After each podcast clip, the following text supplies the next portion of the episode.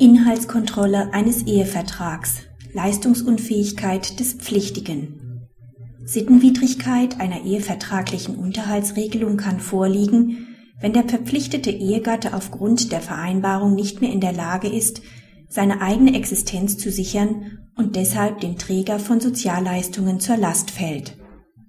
Die Eheleute heirateten 1997.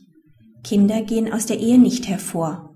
1999 stießen sie einen notariellen Ehevertrag, in welchem sich neben einem wechselseitigen Verzicht auf nachehelichen Unterhalt der Ehemann verpflichtet, für den Fall der Scheidung eine Leibrente in Höhe von 1300 D-Mark monatlich zu bezahlen.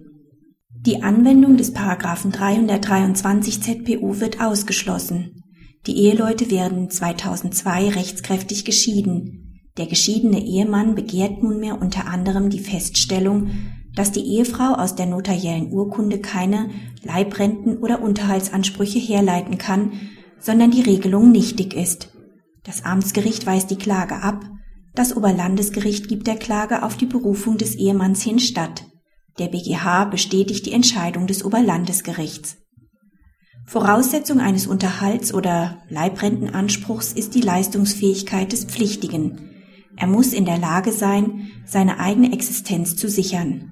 Nach Berechnung des Oberlandesgerichts verbleibt dem Ehemann zum Zeitpunkt des Vertragsschlusses nach Abzug der Leibrentenverpflichtung ein weitaus geringerer Betrag als der zum Zeitpunkt des Vertragsschlusses geltende notwendige Selbstbehalt. Es ist zum Zeitpunkt des Vertragsschlusses zudem nicht mit einer Verbesserung des Einkommens des Ehemanns zu rechnen gewesen. Die Beurteilung, ob ein Ehevertrag wegen einer derartigen Lastenverteilung sittenwidrig und deshalb nach 138 Absatz 1 BGB nichtig ist, erfordert zusätzlich eine Gesamtwürdigung.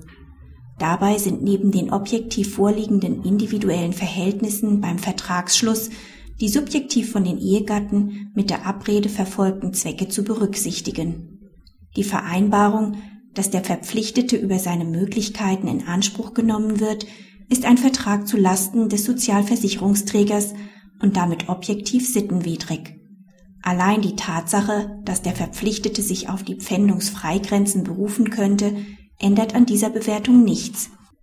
Umstände, die zu einer sittlichen Rechtfertigung führen könnten, sind nicht ersichtlich.